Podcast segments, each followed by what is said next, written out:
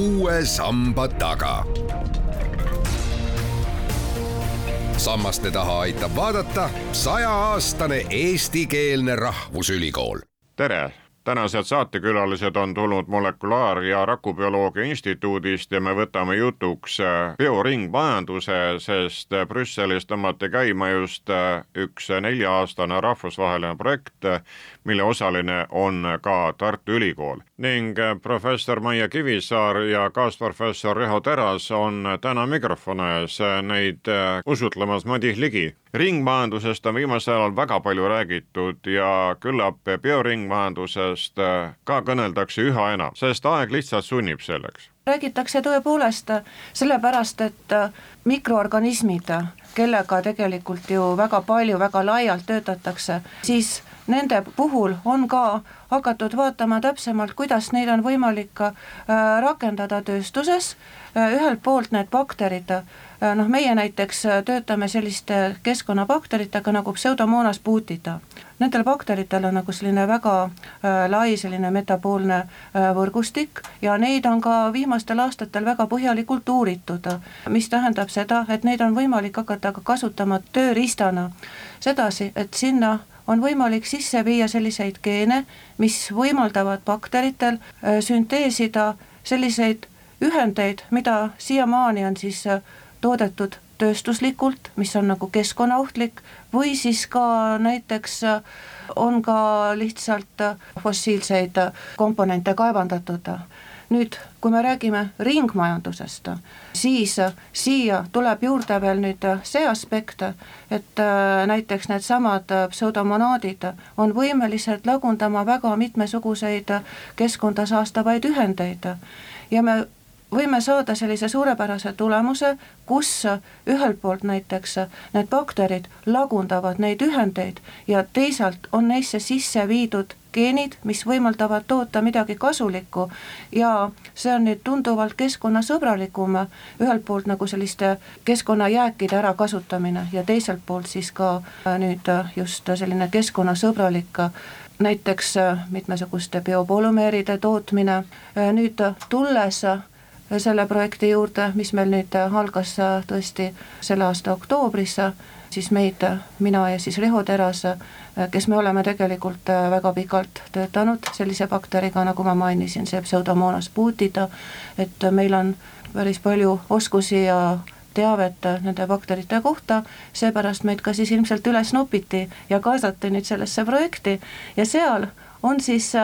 eesmärgiks nüüd mitte ainult Äh, noh, nagu selline uute radade konstrueerimine nüüd äh, paljalt äh, noh, ütleme nende laborioskuste poolest, mis meil on nagu olemas, seal on ääretult huvitav konsortsium selles suhtes, et seal on ka see teine pool, kus on siis bioinformaatikud, inimesed, kes oskavad mudeleid luua ja tänapäeval on ka väga oluliseks muutunud nüüd nagu selline masinõpe. nii et viiakse kokku nagu täiesti erinevad pooled, et ühed, kes siis noh, näiteks äh, rakendavad sünteetilist bioloogiat, viivad sisse uusi geeniblokke, teevad baktereid, võimendavad neid baktereid sel viisil ja teiselt poolt on siis võimalik ka nagu siis mõõta äh, neid tulemusi, mis on saadud ja äh, kasutades siis nüüd sellist masinõpet, on võimalik saada ka kiiremini teavet, et mismoodi neid baktereid laboris veelgi paremaks muuta. kas need bakterid on, teie tööriistad on juba looduses olemas või see on teie, teie kolleegide töömaa, et neid luua ja kasutada? jaa, nad on tegelikult looduses kunagi olnud ja siis inimene on ta sealt loodusest välja võtnud et tegelikult see pseudomonas butita on kosmopoliitne bakter, ta tähendab seda, et ta elab õhus, veel ja maal aga ta on väga hea tööriist tööstusele selles mõttes, et ta ei ole inimesele ega loomadele ohtlik. ja vastupidi, ta on taimedele kasulik, et teda saab kasutada ka põllumajanduses. aga ma Maiale tahtsin veel lisaks juurde lisada, et, et äh, see bioringmajandus on ka oluline selle poolest, et meil hakkavad toorained otsa lõppema või noh, kunagi pikas perspektiivis, et enamik tööstusest kasutab praegu naftat tooraineks ja siis bakterid ongi sellised hästi nii-öelda võluvitsad, et nad saavad plastiliselt muundada teistsugust süsinikku, kui, mis on naftast kättesaadav, siis selliseks nii-öelda substraadiks või tooteks, mida siis on inimesel vaja ja teine noh, veel üks asi, kild lihtsalt juurde, et, et see on tegelikult väga lai teema, et, et korraga ei jõua ju ära rääkida. et äh, meie oleme just nimelt siin selles konsortsiumis sellepärast, et äh, see alati tootmises võib midagi juhtuda, mida ei ole võimalik ette ennustada, et kuna siis oleme tegelenud nii palju selle bakteri uurimisega, siis meil on kogemusi, et me teame, mis võib juhtuda ja, ja tõenäoliselt ma loodan, et meil on ka teadmised, et kuidas neid asju lahendada. Et tegelikult kui kasutada elus organismi millegi tootmiseks, siis on tegelikult see tänapäeval ikkagi must kast. et me paneme sinna sisendi ja tahame sealt midagi välja võtta, aga mis seal täpselt sees toimub, seda inimene veel ei ole jõudnud ära kirjeldada, kuigi jah, selles projektis on Prantsuse pool just väga usinad matemaatikud seal ja valemite kirjutajad, et tegelikult seda nii-öelda arvutis seda kaksikorganismi loomist, ehk siis ette ennustada, mida bakter teeb teatud keskkonnas, on tahetud teha juba väga ammu ja sinna on alati on kokku põrgatud sellise probleemiga, et me ei ole piisavalt hästi ära kirjeldanud kõiki neid protsesse, mis elus organismis toimub. ja nüüd siis see konsortsium siis aitab ka sinna kaasa, et me korjame kokku, tähendab Prantsuse pool korjab nagu kokku hästi palju andmeid, teeb sellest mudeli ja ta hakkab ütlema, et, et kui te tahate sellist produkti sellise saagisega, siis te peate tegema nii ja naa. kes peale nimetatute veel kuuluvad sellesse projekti? no tegelikult selle projekti juhtpartner on äh, Stuttgardi ülikoolist äh, professor Ralf Takors, no tegelikult on selles projektis äh, kokku üheksa erinevat partnerit ja seal on ka siis äh, ettevõtjad, kes on nagu reaalselt huvitatud nende asjade rakendamisest. jaa, see on tähelepanuväärne projekt selles mõttes, et, et kaks firmat äh, Suurbritanniast on kaasatud, kes just tegelevad nende erinevate monomeeride tootmisega. et seal on otsene väljund on nagu ka siis partnerid selle jaoks olemas aga võib vist arvata, et sellel konkursil oli päris kõva andmine ehk konkurss kõva, sellepärast et kuna see teemade ring kui selline juba olemuslikult surub peale uksest ja aknast, järelikult on teadlastel vaja ka pingutada oma aju selle nimel, et leida lahendusi. kas oli märgata, et rahatahtjaid küsijaid oli palju? Ma ei oska praegu täpselt seda arvu öelda, aga need Horisondi projektid, need on tegelikult alati äärmiselt konkurentsed, öeldaksegi, seal on tavaliselt on niimoodi, et on esimene voor, siis sealt võib-olla umbes kümme protsenti on edukus ja siis edasi liigutakse teise vooru, see on ka teadlase elu üks külg, et kogu aeg kirjutada projekte, osaleda projektides, väga paljud ei saa rahastust, nii et noh, tegelikult see on väga konkurentne teema tõepoolest noh, tegelikult teadusmaailmas see niimoodi ei käi, et, et tulevad inimesed kokku ja siis nüüd hakkame lahendusi otsima. noh, selles mõttes rakendusteadustes ju nii käib, aga see eeldab baasteadmisi. ja et midagi on juba ennem teada, mille põhjal siis hakata leidma lahendusi. et noh, et, et Eestis on nagu hästi jäänud kõlama see, et, et me peame kõiki rakendusteadusi toetama, mis on muidugi vajalik, aga noh, et, et seal taga on ka baasteadmised, mida meil on vaja teada et me ei ole nagu otseselt rakendusteadustega töötanud, mina vähemalt mitte, Maial on projekte küll,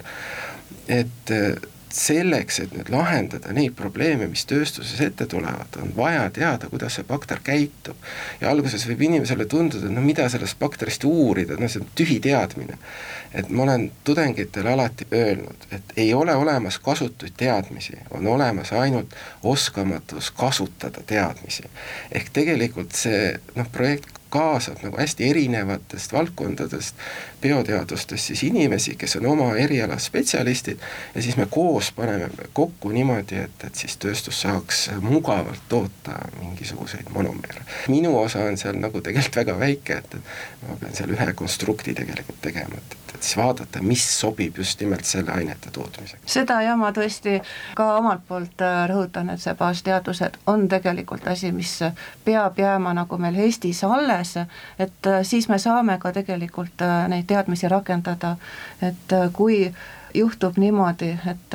et järjest nagu ainult, ainult me noh, nagu teeme natukene siin, natukene seal ja siis kaob ära nagu see oskusteave. et noh, meil instituudist väga palju just ka ikkagi just kasvatame noori teadlasi peale, õpetame tudengeid ja ja, ja teeme ka ise ikkagi ka eh, nii alusuuringuid, kui siis ka rakendame oma teadmisi laiemalt, et see on nagu just tegelikult oluline, just selline baasteaduste ja rakendusteaduste seos kuidas baasteadmised eh, siirduvad siis rakendusteadustesse, noh mina ei tegele rakendusteadmistega, siiamaani pole tegelenud. ja minu uurimisobjektiks on siis seesama pseudomonas puutida ja tal on pinnavalk mis muudab raku hüdrofoobseks, no see tähendab vett hülgavaks. ja nüüd selle tea-, me saime teada, et mis selle hüdrofoobsuse taga on, et see on üks pinnavalk. ja selle korjas üles Saksa nii-öelda rakendusteadlased ja äh, selle teadmise baasil nad lülitasid selle geeni äh, nii-öelda välja, seda rakupind ei muutu enam hüdrofoobseks ja nad saavad tööta ram-, toota ramnolipiide et see on otseselt see teadmine kasutatakse kuskil maailmas rakenduseks ära.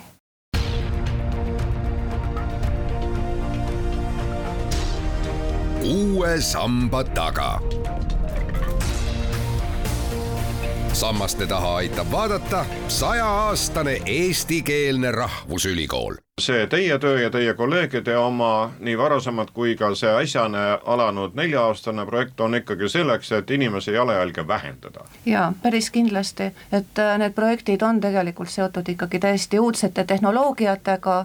noh, me peame selles suunas liikuma, kasutades äh, neid äh, mikroorganisme, kellel on võimekus lagundada teatud kas või tööstusjääke. seesama pseudomonas putida, mille ümber meil täna siin see jutt käib, näiteks üks suur teema on puidutööstus, puidutööstuse jäägid ja seal on näiteks ligniin. Ja mis on nüüd ka tegelikult väga mitmetes tipplaborites on ilmunud artiklid ja noh, nagu natukene otsapidi oleme ka meie sellega seotud, et need bakterid on võimelised neid ligniini polümeere lagundama, et nad rakust tulevad välja siis sellised ensüümid, mis aitavad selle ligniini lagundamist Äh, ühesõnaga, on võimalik seda ligniini väärindada. nüüd selle bakteri sees äh, toimub äh, nüüd siis nende ligniinist tekkinud nende fenoolsete ühendite monomeeride lagundamine veel ja tekib selline ühend nagu mukonaat ja sealt on juba edasi võimalik minna näiteks siis nailoni peale. Niimoodi, et ühelt poolt kasutades siis puidutööstuse jääke, on võimalik bakterit hakata kasutama nüüd vajalike erinevate polümeeride sünteesiks, see on nagu selline väga ilus näide nüüd ka just sellisest äh, ringmajandusest, bioringmajandusest, kus tekivad äh, siis tööstusjäägid, need kasutatakse siis bakterite poolt ära ja sünteesitakse midagi kasulikku. no minu ülesandeks on koostada üks konstrukt mida siis, mille abil siis saaks seda bakterit tööstuses muunda paindlikumaks, et ta nii-öelda ennast ära ei tapaks selle vajalike ainete sünteesiga, aga sedasama konstrukti saan ma kasutada nii-öelda oma alusteadustes teiste probleemide lahendamiseks, et see, see tegelikult ongi niimoodi, et nad on kõik omavahel seotud, et kõik need teadmised, mis me lisame bakterite kohta, tegelikult on rakendatavad ju tööstuses, kui kasutatakse bakterit kui vahendit millegi tootmiseks kas need bakterid kuulavad hästi teadlaste sõna või hakkavad palju vastu? mina tegelikult uurin just ka bakterite evolutsioonimehhanismi, bakterid tegelikult muutuvad väga kiiresti. ühelt poolt on see nagu niimoodi, et bakter alati antud keskkonnatingimustes püüab võimalikult äh, kiiresti hakkama saada ja siis, kui tekivad sellised mutatsioonid, mis võimaldavad tal paremini kasvada, siis tema kasvabki seal ja seal on siis nii negatiivsed kui positiivsed pooled inimese seisukohast, et noh, näiteks äh, siin hiljuti oli ka Kuku raadios oli saade Tanel Tensoniga, kes rääkis antibiootikumide resistentsusest ja mis on inimkonnas väga suur probleem. ja seal on noh, on võimalus, et äh, noh, need geenid kanduvad olemasolevad juba ringi, aga tegelikult ka tekivad täiesti uued mutatsioonid, äh, nii et noh, need bakterid tegelikult evolutsioneeruvad, tekivad uued resistentsed tüved teiselt poolt jällegi siis ka, kui ma räägin näiteks keskkonda saastavatest ühenditest, bakterid väga kiiresti õpivad neid uusi inimtekkelisi keskkonda saastavaid ühendeid lagundama. ja seal on ka siis tegelikult taga see evolutsioon just. ja need ühendid tavaliselt on ka sellised, mis tekitavad bakteritele, noh, nad on tegelikult rakkudele toksilised ja tekitavad stressi ja just need tingimused tegelikult ka siis mõjutavad nüüd, kui kiiresti tekivad need mutatsioonid, et et olen nagu püüdnud siis uurida seda, et mis on nagu need mehhanismid, mis siis tagant tõukavad seda bakterite evolutsioneerumist. nüüd, kui me tuleme selle küsimuse juurde, et äh, kas need bakterid, kui hästi nad on taltsutatavad. ja siis äh, tõesti ka sellistes projektides, kus me näiteks äh, tahame konstrueerida uusi kasulikke bakteritüvesid, võib tulla ette see probleem, et et see, mis sinna bakterisse nagu sisse on pandud, see võib olla ka bakterile koormus, et ta nagu ei taha seda teha ja siis ongi vaja vaadata, et missugustes tingimustes luua nagu need optimaalsemad tingimused ja mis ka noh, nagu ongi sellised, mis nagu suunavad seda bakterit äh, just nimelt nagu siis äh, teatud äh, metaboliite tootma ja nüüd teiselt poolt ka siis see geneetiline stabiilsus, et mis on need tegurid. tegelikult kaks tuhat kaheksateist algas ka üks teine Horisondi projekt, mis on ka seotud pseudomonas puutida rakendamisel siis kasulike biopolümeeride tootmisega, aga seal on siis fluoropolümeerid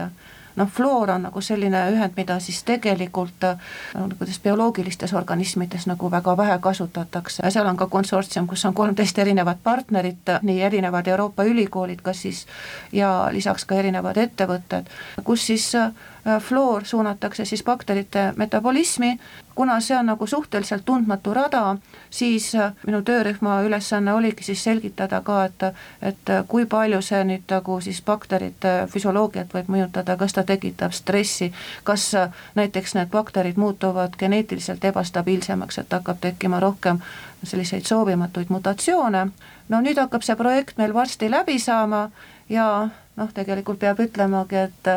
et selles suhtes on see projekt olnud edukas, et et need bakterid on küllaltki stabiilsed ja taluvad ka neid stresse päris hästi ja toodavad ka neid vajalikke ühendeid. et noh, mis on bakteri elu eesmärk? bakteri elu eesmärk on ennast ruttu paksuks süüa ja paljuneda. et kui ta väheneb energiavoog ja biomassi tootmine, siis ta võtab midagi ette, sest, sest nad on kohastunud ju miljardite aastate jooksul niimoodi, et kui äh, nii-öelda biomassi tootmine väheneb, siis keegi saab temast ette ja ta ei tohi lubada, et biomassi tootmine väheneks bakteris. ja seetõttu ongi siis kõigepealt, mida ta kohe muudab, on füsioloogia ehk siis paneb oma need äh, metabolismi rajad kinni, mis teda nii-öelda energiat liiga palju tarbivad ja ta suunab sinna siis, mis aitab biomassi toota, aga tegelikult tema elu eesmärk ei ole ju inimesele midagi toota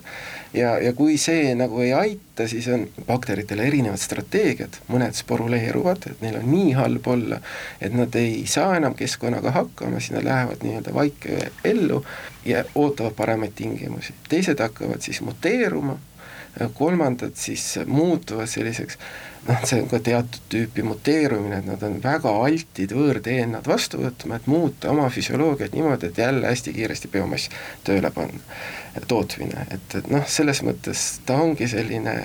liikuv ikkagi organism, et me päris niimoodi ei ole ikka maailma valitsejad, et ütleme bakterile, tee seda, mis me tahame. nii, selle täienduseks võin ma veel siis ka lisada, et, et ongi niimoodi, et kui siis nüüd äh, laboris äh, konstrueeritakse neid bakteritüvesid, siis äh, looduses toimub evolutsioon, aga tänapäeval ka rakendatakse ka sellist labori evolutsiooni. aitäh teile, professor Maia Kivisaar ja kaasprofessor Riho Teras nende selgituste eest, mis käisid siis bioringmajanduse ja selle uuringute kohta ning äh, rääkisime lähemale ka vastalanud nelja-aastase rahvusvahelise projekti. küsija oli Madis Ligi